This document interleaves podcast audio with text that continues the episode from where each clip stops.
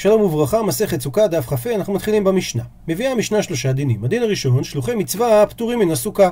מביא תוספות את דעתו של רש"י, שמדובר על אנשים שהולכים בדבר מצווה, כגון ללמוד תורה או להקביל פני רבו ולפדות שבויים, שהם פטורים מן הסוכה אפילו בשעת חנייתן. ושואל תוספות, ותימה, הרי אם הם יכולים לקיים את שני הדברים, מדוע הם פטורים? האם אדם שיש לו ציצית בבגדו ותפילין בראשו, האם גם הוא נפטר בכך משאר מצוות? עונה על כך תוספות, שוודאי צריך לומר שהכלל של העוסק במצווה פטור מן המצווה, נאמר שהוא פטור רק בשעה שהוא עוסק במצווה. וכך גם במקרה שעליו דיברה המשנה, שאם על ידי קיום מצוות הסוכה הם יהיו טרודים ולא יוכלו לקיים את המצווה שהם עוסקים בה, במצב כזה הם פטורים ממצוות סוכה. הדין השני שבמשנה, חולים ומשמשיהם פטורים מן הסוכה, והדין השלישי, שאוכלים ושותים ארעי חוץ לסוכה. כי אכילת ארעי לא מחייבת סוכה, כמו שבן אדם שגר בבית רגיל יכול לאכול ארעי חוץ לביתו. שואלת הגמרא, מנן אמילי, מה המקור לכלל שהעוסק במצווה פטור מן המצווה? אומרת הגמרא, דתנו רבנן. שכך שנינו בברייתא ממסכת ברכות. נקרא את הפסוק בפנים, כתוב, ושיננתם לבניך ודיברת בם, בשבתך בביתך ובלכתך בדרך ובשוכבך ובקומך. ואומרת הברייתא, מזה שכתוב בשבתך בביתך למדנו פרט לעוסק במצווה, ומזה שכתוב ולכתך בדרך, מזה למדנו פרט לחתן. ושואל על כך רש"י, למה היה צריך מבלכתך בדרך למעט חתן? הרי גם החתן הוא במצוות טרוד. שהרי הוא הולך להתחתן, זה קיום מצוות פרו ורבו. עונה רש"י, איצטריך לאות רקראי, צריכים את שני הפסוקים. למה? כי אם היה כתוב רק פסוק אחד, דהיינו, בשבתך בביתך, הייתי אומר שחתן לא נכלל פה. מדוע? כי הייתי אומר שלא פטר הכתוב, אלא מי שטורח ועושה מלאכת מצווה בידיים, או שהוא מהלך למצווה. אבל חתן, הוא יושב ובטל, הוא לא עוסק, הוא רק טרוד במחשבת בעילה, אז אולי אותו לא פטר הכתוב. לכן צריך את הפסוק הנוסף, ובלכתך בדרך, כדי להגיד לנו שחתן פטור מקריאת שמע, כי הוא טריד במחשבת בעילה. וממשיכה הברייתא, מכאן אמרו, הכונס את הבתולה פטור, ואת האלמנה חייב. דהיינו, שמי שמתחתן עם בתולה פטור מקריאת שמע, ומי שמתחתן נישואים שניים עם אלמנה, הוא כן חייב בקריאת שמע. שואלת הגמרא, מאי משמע? איך בדיוק אתה לומד מהפסוקים האלה שזה פרט לעוסק במצווה? ענה הגמרא, אמר רב הונא, הרי כתוב בפסוק ובלכתך בדרך, אז לומדים בשבתך בביתך, זה כדרך. מה דרך רשות? שמדובר באדם שהולך בדרך לסחורה, אף כל רשות, דהיינו, כל דבר שאדם הולך לדבר הרשות, מתעסק עם דבר הרשות, הרי הוא חייב בקריאת שמע, וממילא מה זה בא למעט? להפוקי, זה בא למעט, להוציא, היי, את זה, דבמצווה עסוק. שבגלל שהוא עסוק במצווה ולא בפעולות רשות, הרי הוא לא חייב בקריאת שמע. שואלת הגמרא, מי לא עסקינן? האם לא ניתן לומר במשמעות הפסוק ולכתך בדרך, דקאזי לדבר מצווה, שמדובר גם על אדם שהולך לדבר מצווה? שהרי התורה אמרה דרך באופן סתמי, אז אם ככה זה אומר גם דרך רשות וגם דרך מצווה, ששניהם חייבים לקרות קריאת שמע. ובלשון הגמרא, וכאמר רחמנה, והרי התורה אמרה על המילה דרך, ליקרי, שהוא צריך לקרות גם בלכתך בדרך. ושוב חוזרת השאלה, איך למדת פה מהפסוק שמדובר שמי שעוסק בדבר מצווה פטור מן המצווה? אומרת הגמרא, אם כן, אם כדבריך, אז לי מקרא, זה היה צריך הפסוק לומר, בשבט ובלכת. דהיינו, בלי התוספת של השייכות. מה, אם מדוע כתבה התורה בשבתך, שזה בשבט שלך, ובלכתך, שזה בלכת שלך? כי באה התורה ללמד, בלכת דידך הוא דמחייב, אתה מחויב בקריאת שמע דווקא בלכת שהיא רשות, שהיא לעשות את הצרכים שלך. הבלכת דמצווה, בלכת שאתה לא עושה את הצרכים שלך, אלא שאתה מצווה על כך, בזה פטירת. דהיינו, פטור מקריאת שמע. שואלת הגמרא, אי הכי אם כך שכל מי שהולך לדבר מצווה פטור מקריאת שמע, אז אפילו כונס את האלמנה נמי. שהרי גם הוא הולך להתחתן ולקיים מצוות פרו ורבו. עונה הגמרא, כונס את הבתולה תריד, כונס אלמנה לא תריד. מסביר רש"י, שאדם שמתחתן עם בתולה ליבו טרוד במחשבת הבעילה, ומסתברא שכי פטרה התורה משום טרדה היא פטרה אותו. כי בגלל שהוא טרוד הוא לא יכול לעסוק בשני הדברים כאחד. לעומת זאת, מי שכונס אלמנה, מתחתן עם אישה בנישואים שניים, הוא לא טריד. לכן הוא יכול לקיים את שניהם, גם את המצווה של פרו ורבו, וגם לקרוא קריאת שמע. וצריך להזכיר שכל מה שאנחנו מדברים פה על לקרוא קריאת שמע, הכוונה לכוון בפסוק הראשון של קריאת שמע. שואלת הגמרא, אלא מעתה, אם אתה אומר שבן אדם שטרוד לא יכול לקריאת שמע, אז הרי מי שטבעה ספינתו בים, והרי ברור שבעקבות הדבר הזה, דתריד הוא הרי ודאי טרוד, אז הכא נמי דפטור? האם תאמר שגם הוא פטור מקריאת שמע? וכי תימא חנמי, ואם תגיד באמת כך הוא צריך להיות פטור מקריאת שמע, מה פתאום? ואמר רבי אבא בר זוודה אמר רב, אבל חייב בכל המצוות האמורות בתורה, חוץ מן התפילין. למה? שהרי נאמר בהן פאר. והגמרא תפרט בעמוד הבא היכן נאמר לגבי אבל שהוא פטור מתפילין, שהוא לא בר פאר, ואם הוא כן מניח עליו תפילין, כשהוא מתפאר, הוא מראה בעצמו שהוא לא אבל. והרי אנחנו רואים שאבל חייב בכל המצוות, למעט מצוות התפילין, בגלל משהו אחר, וודאי שאבל מאוד טרוד בגלל האירוע שקרה לו, ובכל זאת הוא חייב במצוות. ולכן לא ניתן לומר שמי שטבעה ספינתו בים יהיה יותר מהאבל ויהיה פטור מקריאת שמע. לכן אומרת הגמרא, התשובה, החתרי טירדא דמצווה, התמתרי טירדא דרשות. דהיינו, חתן טרוד בטרדת מצווה. ובאה התורה ואמרה לנו שאנחנו לא מחייבים אותו להסיר דעתו ממחשבת המצווה הראשונה בשביל זו שבאה עליו עכשיו שזה קריאת שמע, אלא הוא יעסוק במצווה הראשונה שלו וייתן ליבו להיות בקיא בדבר. לעומת זאת, האבל זה טירדא דרשות, שאומנם הוא חייב לנהוג אבלות בדברים האסורים עליו, נעילה, רחיצה, שיחה, כדי להראות כבוד מתו, אבל הוא לא חייב להצטער על מתו. ולכן הצער שגורם לו לטרדה זה לא חובה, אז אנחנו כן דורשים ממנו ליישב את דעתו, לקרוא את הפסוק הראשון של קריאת שמע בכוונה, ואז לחזור לאבל שלו. עד לפה ראינו את מי שאמר שהמקור לזה שעוסק במצווה פטור מן המצווה נלמד מהפסוק בשבתך בביתך. ועכשיו שואלת הגמרא, והעוסק במצווה פטור מן המצווה מהכה נפקא? מכאן הוא יוצא מהפסוק בשבתך בביתך? והרי יש לזה מקור אחר, מהתם נפקא, משם זה יוצא, דתניא, שכך שנינו בברייתא, על הפסוק, נקרא אותו בפנים, ויהי אנשים אשר היו טמאים לנפש אדם, ולא יכלו לעשות הפסח ביום ההוא, ויקרבו לפני משה ולפני אהרון ביום ההוא. רש"י מזכיר לנו שמדובר בשנה השנית ליציאת בני ישראל ממצרים, וכל אדם מישראל חייב להביא את הפסח. ושואלת הברייתא, אותם אנשים מי היו? אפשרות ראשונה, נושא ארונו של יוסף היו. זה דברי רבי יוסי הגלילי.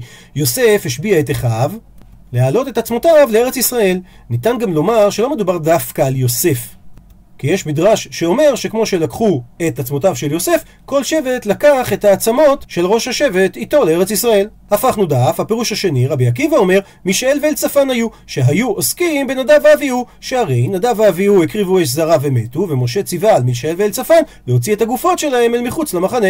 שואל תוספות, ואם תאמר, לפי מי שאומר בגמרא בסנהדרין, שנשרפו גופותיהן של נדב ואביהו, אז אם ככה, למה מישאל ואלצפן נטמעו? עונה תוספות, יש לומר ששמא לפי הדעה הזאת, השלד שלהם היה קיים. ובמצב כזה, כמו שהגמרא בנידה אומרת, מת שנשרף ושלדו קיים, הוא טמא. דעה שלישית, רבי יצחק אומר ודוחה את שתי הדעות הקודמות. אם נושאי ארונו של יוסף היו, כבר היו יכולים להיטהר. שהרי כבר עברו עליהם עשרה חודשים ויותר שהם לא נשאו את הארון של יוסף. מהרגע שהם חנו בהר חורב בראש חודש סיוון, כמו שכתוב ביום הזה באו מדבר סיני, והם לא נסעו משם עד עשרים באייר של שנה הבאה. לכן אומר רבי יצחק, לא ניתן לומר שזה מדובר על נושא ארונו של יוסף. וגם מצד שני, אם מישאל ואלצפן היו, אז הם היו יכולים היו להיטהר. שהרי באחד בניסן הוקם המשכן.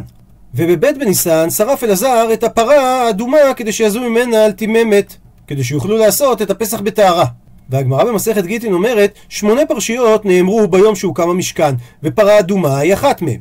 ואם באחד בניסן הוקם המשכן, הרי לפני זה היה שבעת ימי המילואים שאז משה שימש במשכן, ואחד בניסן זה יום השמיני למילואים. שעליו נאמר בגמרא בשבת שאותו היום נטל עשר עטרות ובו מתו נדב ואביהו. אז אם נעשה את החשבון יוצא שבראש חודש ניסן הם מתו, בשני בניסן כבר היה אפר פרה אדומה, אז ודאי שעד הפסח הם היו יכולים להיטהר. והרי לשון הפסוק הייתה שלא יכלו להיטהר. לכן אומר רבי יצחק אפשרות שלישית, אלא עוסקים באמת מצווה היו שחל שביעי שלהם להיות בערב פסח. הוא מסביר רש"י שלא מדובר פה על המת מצווה הקלאסי, שזה מת מצווה שאתה מוצא בדרך ואף אחד לא מטפל בו ולכן זה מוטל עליך. אלא כאן מדובר על אחד משבעת הקרובים, שהוא נקרא מת מצווה, דהיינו שמצווה על הקרובים להתעסק איתו. וההוכחה של רבי יצחק שמדובר שחל היום השביעי שלהם להיות בערב פסח, שנאמר ולא יכלו לעשות הפסח ביום ההוא. אז הדיוק מביום ההוא, זה אומר, ביום ההוא אין יכולים לעשות. הלמחר יכולים לעשות. כי ביום השביעי זורקים עליהם מי אפר פרה אדומה, ואז בערב הם נהיים טהורים. ואומר רש"י, שאומנם הם היו כבר איים בערב לאכול את הפסח, ובכל זאת זה לפי הדעה שאומרת שאין שוחטים וזורקים על טמא שרץ. דהיינו, על מי שבשעת הקרבת קורבן הפסח הוא עדיין טמא, אפילו אם הוא יהיה טהור בערב. הדעה הזו של רבי יצחק עולה שאלת הגמרא, שהרי אנחנו שומעים שעוסק במצווה פטור מן המצווה, שהרי נטמעו במתיהם שבעה ימים לפני הפסח, ואף על פי שהטומאה הזו הם ידעו שהיא תעכב על ידם את אכילת פסחיהם, ובכל זאת הם נטמעו. זה אומר שמצווה קלה הבאה לידך, כמו להיטמע למת, אינך צריך לדחותה מפני מצווה חמורה עתידה לבוא, שזה המצווה של הקרבת קורבן הפסח. אז אם כך, למה הגמרא לא למדה את זה מכאן, מדעתו של רבי יצחק, והיא למדה את זה מהפסוק מקריאת שמע? עונה הגמרא צריכה, צריך את שני הפסוקים כדי ללמוד את הכלל שהעוסק במצווה פטור מן המצווה. והיא מסבירה, דיש מעין הנעתם, שאם היינו משמיעים את הכלל הזה לעניין פסח שני, אז הייתי אומר, משום דלא מטה זמן חיוב עד הפסח, בגלל שלא הגיע זמן חיוב הפסח בשעה שהם נטמעו. ולכן אולי היינו יכולים ללמוד שמותר לך לעשות את מצווה א', אפילו אם בעתיד זה יבטל ממך לעשות את מצווה ב', ולא משנה דרגת החמורה שלהם. אבל האחה, אבל כאן במצוות קריאת שמע, דמת הזמן קריאת שמע, שמגיע זמן חיוב קריאת שמע בתוך החופה, והרי החתן הזה ראוי לקרות קריאת שמע, אז אימה לא, אז אולי לא נפתור אותו מכך, לכן צריכה. דהיינו, לכן התורה הייתה צריכה להגיד לנו את זה גם על הלימוד של מקריאת שמע. מצד שני, ויש מינן הכה, ואם התורה הייתה מלמדת אותנו את הדין הזה רק לעניין חתן בקריאת שמע, הייתי אומר משום דלקה כרת. אלא מקסימום הוא יבטל את מצוות עשה של קריאת שמע. אבל הטעם, אבל שם לעניין פסח שני, דאיכא כרת, שיש עונש כרת למי שמבטל את הקרבת קורבן פסח, אימה לא. תאמר שהם לא יטמאו למת כל שבעה ימים לפני הפסח. לכן צריכה, לכן צריכה התורה ללמד אותנו שהעוסק במצווה פטור מן המצווה על ידי שהיא כתבה את המילים ביום ההוא, שככה השמיע לנו שהם נטמעו תוך שבעה, ולימדה אותנו שעוסק במצווה, ולא משנה מה הדרגה שלה, שהוא פטור מן המצווה, ולא משנה מה הדרגה שלה. מביאה עכשיו הגמרא גופה, דבר שהבאנו קודם כבדרך אגב, נדון בגוף העניין עצמו. אמר רבי אבא בר זוודה אמר רב, אבל חייב בכל המצוות האמורות בתורה, חוץ מתפילין, שהרי נאמר בהם פאר. ומה המקור לדבר? מדאמר לרחמנא ליחזקאל. ומסביר רש"י, שמדובר שם שאמר הקדוש ברוך הוא ליחזקאל, הנני לוקח ממך את מחמד עיניך במגפה, אבל אתה אל תתאבל, הענק דום מתים, אל תעשה, לא תתאבל על זה. ולכן, איך לא תתאבל? פארך חבוש על ראשך, שלא כדרך שאר האבלים. לפי, ולמה? שאני עושה אותך אות ומופת לישראל, שכך עתידים למות מתיהם בארץ ישראל בחורבן, ואין איש בבבל מתאבל עליהם. וזה המקור שממנו אנחנו רואים שאבל אסור בתפילין. ובלשון הברייתא, מדאמר לרחמנא ליחזקאל, פארך חבוש עליך וגומר, זאת אומרת, אתו דמחייבת. דווקא אתה יחזקאל חייב לשים את התפילין, שזה פארך, אבל כולי עלמא, דהיינו אבל סטנדרטי, הם פטירי מחבישת התפילין. ואומרת הגמרא, והני מילי, אבל הדבר הזה זה רק ביום ראשון. דהיינו ביום הראשון של האבלות. דכתיב, שכך כתוב בספר עמוס, נקרא בפנים, והפכתי חגיכם לאבל, וכל שיריכם לקינה, והעליתי על כל מותניים שק ועל כל ראש כורחה, ושמתיה כאבל יחיד, ואחריתה כיום מר. אז מזה שכתוב ואחריתה כיום מר, זה אומר שעיקר המרירות של האבל היא ביום הראשון לאבלות. כי לשון הפסוק זה כיום, דהיינו יום בודד. ומסתבר לומר שזה יום הקבורה והמיטה. ממשיכה הגמרא ומביאה עוד מימרה בשם ואמר רבי אבא בר זוודה אמר רב אבל חייב בסוכה שואלת הגמרא פשיטא הרי כבר אמרנו קודם שהאבל חייב בכל המצוות חוץ מתפילין, אז אם ככה, מה אתה בא לומר לנו? עונה על כך הגמרא, מה עוד תימה? מה היית חושב לומר, הואיל ואמר רבי אבא בר זוודה אמר רב, עוד הלכה, שהמצטער פטור מן הסוכה, אז תגיד, היי נמי מצטערו, שהרי האבל ודאי מצטער, כמה שמלן, בא רבי אבא בר זוודה אמר רב להשמיע לנו, שהני מילי שמצטער פטור מן הסוכה, זה דווקא בצערא דממילא. מסביר רש"י, בצער שהסוכה מציירת אותו, למשל בגלל שחם לו מהשמש, או שקר לו, או שיש שם סירחון מהדברים שהוא סיכך בהם. אז בצער כזה האדם נפטר מהסוכה, אבל הכה, אבל כאן במקרה של אבל, אי הוא הוא דקה מצער נפשי, הוא עצמו זה שגורם צער לעצמו על ידי זה שהוא חושב על המת, היא באה אלי, אנחנו דורשים ממנו, צריך הוא לעיטובי דעתי.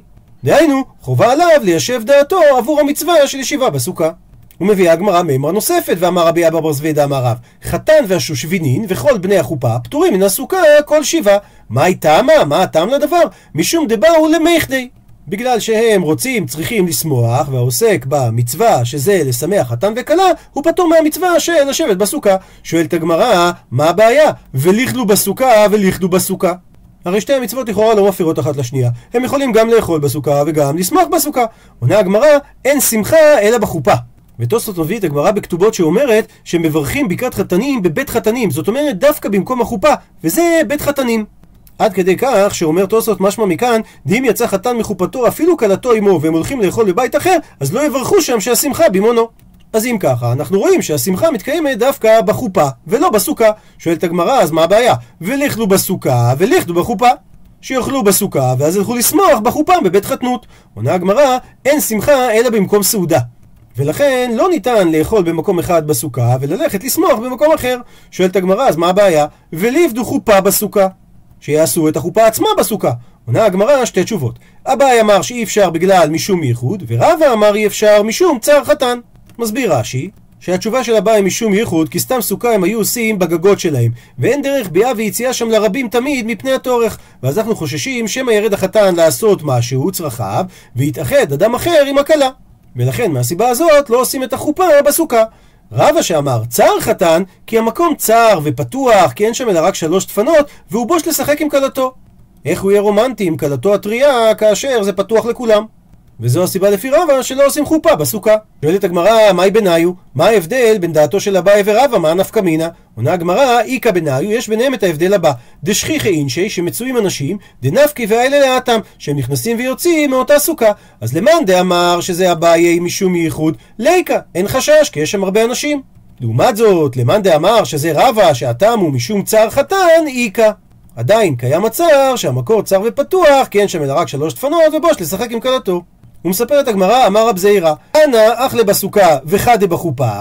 דהיינו, רב זרע מעיד על עצמו שהוא אכל בסוכה ושמח בחופה, ואומר רש"י, כנראה שמדובר שהוא התחתן בערב הרגל, כי הרי בתוך הרגל אנחנו יודעים מהגמרא במועד קטן שלא נושאים נשים במועד, כי לא מערבים שמחה בשמחה.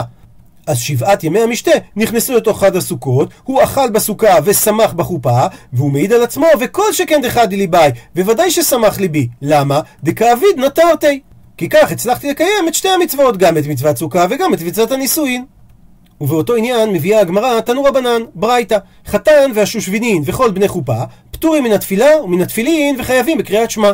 הוא מסביר רש"י, הם פטורים מן התפילה כי היא צריכה כוונה והם לא יכולים לכוון כרגע, והם פטורים מן התפילין למה משום דשכיחה שכרות וקלות ראש במסיבת חתונה, ומצד שני הם כן חייבים בקריאת שמע. למה? כי מצוות הכוונה של קריאת שמע אינו אלא פסוק ראשון. הם יכולים ליישב את דעתן לשעה קטנה כדי לקרוא פסוק ראשון. הפכנו דף, משום רבי שילה אמרו שחתן פטור והשושבין וכל בני החופה חייבים. מסביר רש"י, משום רבי שילה אמרו שחתן פטור מקריאת שמע כי הוא עצמו טריד כמו שלמדנו בדף הקודם, אבל שאר בני החופה הם כן חייבים. כי הרי הם לא טרודים כמו החתן. אנחנו רואים, גם מדעת הנקמה וגם מדעת רבי שילה, שלית לולה ניתנאי את הכלל העוסק במצווה פטור מן המצווה, אלא כמו שהסברנו, הפטור נובע בגלל סיבה נקודתית. וממשיכה הגמרא ומביאה ברייתא דומה. תניא אמר רבי חנניה בן עקביא, כותבי ספרים, תפילין ומזוזות, דהיינו סופרי סתם, הן ותגריהם ותגרי תגריהן. דהיינו, כל שרשרת האספקה, גם הלוקחים מהם כדי למכור ולהמציאם למי שצריך להם, וכל העוסקים במלאכת שמיים, פותחת הגמרא סוגריים ואומרת שהמשפט האחרון בא להטויי לרבות מוכרי תכלת בשביל ציצית. סגור סוגריים, אז כל אלה פטורים מקריאת שמע ומן התפילה ומן התפילין ומכל מצוות האמורות בתורה. וההלכה הזאת מסתמכת לקיים את דברי רבי יוסי הגלילי, שהיה רבי יוסי הגלילי אומר, העוסק במצווה פטור מן המצווה. עד לכאן דף כ"ה.